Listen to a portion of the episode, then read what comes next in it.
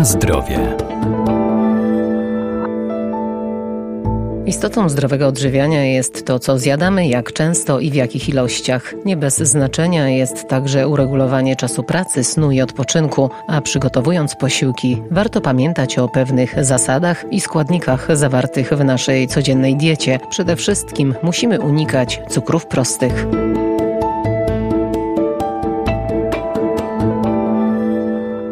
Zdrowy styl życia staje się coraz bardziej popularny. Aby odżywiać się prawidłowo, należy przede wszystkim o każdej porze dnia jeść wszelkiego rodzaju warzywa, głównie zielone oraz porcje owoców. Ważne są także produkty zbożowe i pełnoziarniste, bogate w witaminę B i błonnik oraz produkty mleczne, drób czy ryby. Należy natomiast ograniczać spożywanie czerwonego mięsa i nadmiernej ilości cukrów prostych, które mogą prowadzić do otyłości i stłuszczenia narządów. Kolejną taką ważną rzeczą odnośnie zasad zdrowego żywienia jest unikanie produktów, które zawierają duże ilości cukrów, cukrów prostych. Dietetyk Maciej Pokarowski. Jest to związane z tym, że mają one zdolność do szybkiego podnoszenia poziomu cukru we krwi. Następuje wówczas bardzo szybki, gwałtowny skok insuliny i długotrwałe narażanie organizmu na tego typu zjawisko kończy się tym, że rozwija się u człowieka insulinooporność. Insulinooporność, która później może manifestować się i przechodzić w cukrzycę, no a z cukrzycy możemy już przechodzić do kolejnych e, bardzo poważnych chorób, więc tutaj powinniśmy bardzo uważać na cukier i słodycze. Oczywiście nie będę tutaj mówił, że złym rozwiązanym będzie spożywanie tzw. Tak węglowodanów złożonych, bo węglowodany złożone będą na pewno lepszym rozwiązaniem niż węglowodany proste. Z tego tytułu, że one będą powodowały, że ten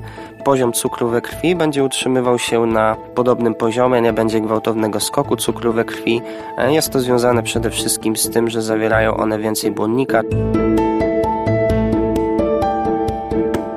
Na zdrowie. A w których produktach znajdziemy węglowodany złożone? Produkty tego typu jak pieczywo pełnoziarniste zamiast pieczywa pszennego, czy ryż brązowy zamiast ryżu białego, makaron pełnoziarnisty, czy też warzywa i owoce, bo też są źródłem węglowodanów i błonnika, to one nie będą powodowały takich skoków cukru we krwi, o których powiedziałem w przypadku produktów, które zawierają węglowodany proste. Kolejny taki mechanizm, który niestety odpowiada w wielu przypadkach za występowanie otyłości, jest to, że nadmiar cukrów prostych w naszym e, żywieniu e, będzie powodował to, że organizm nie będzie wiedział, co zrobić z tym zapasem e, węglowodanów prostych i cukru i przekształci to do tkanki tłuszczowej. Mamy taki jeden z parametrów, który możemy zmonitorować w naszym organizmie. Jest to visceral fat, czyli tkanka tłuszczowa visceralna. E, jest to tkanka tłuszczowa, która gromadzi się wokół ważnych e, narządów, m.in. serca i wątroby. No i często niestety nadmiar takich węglowodanów prostych może skończyć się to wszystko tym, że doprowadzimy do po pierwsze nadmiaru tkanki tłuszczowej i nawet takiej choroby jak stłuszczenie narządów wewnętrznych, stłuszczenie wątroby. Tutaj musimy uważać, jeśli chodzi o cukier, o węglowodany proste, o dodatek e, tego cukru do różnego rodzaju napojów, bo jest to nagminnie dodawany środek i nie tylko tylko w postaci tak zwanego cukru glukozy, ale również w postaci syropu glukozowo-fruktozowego, no bo też producenci starają się w jakiś sposób nas e, schwytać i napisać, że nie zawiera dodatku cukru, natomiast zawiera w składzie właśnie wcześniej wspomniany syrop.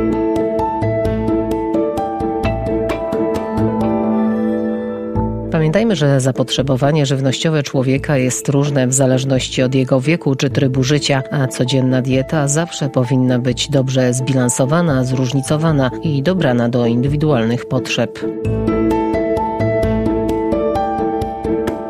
Na zdrowie.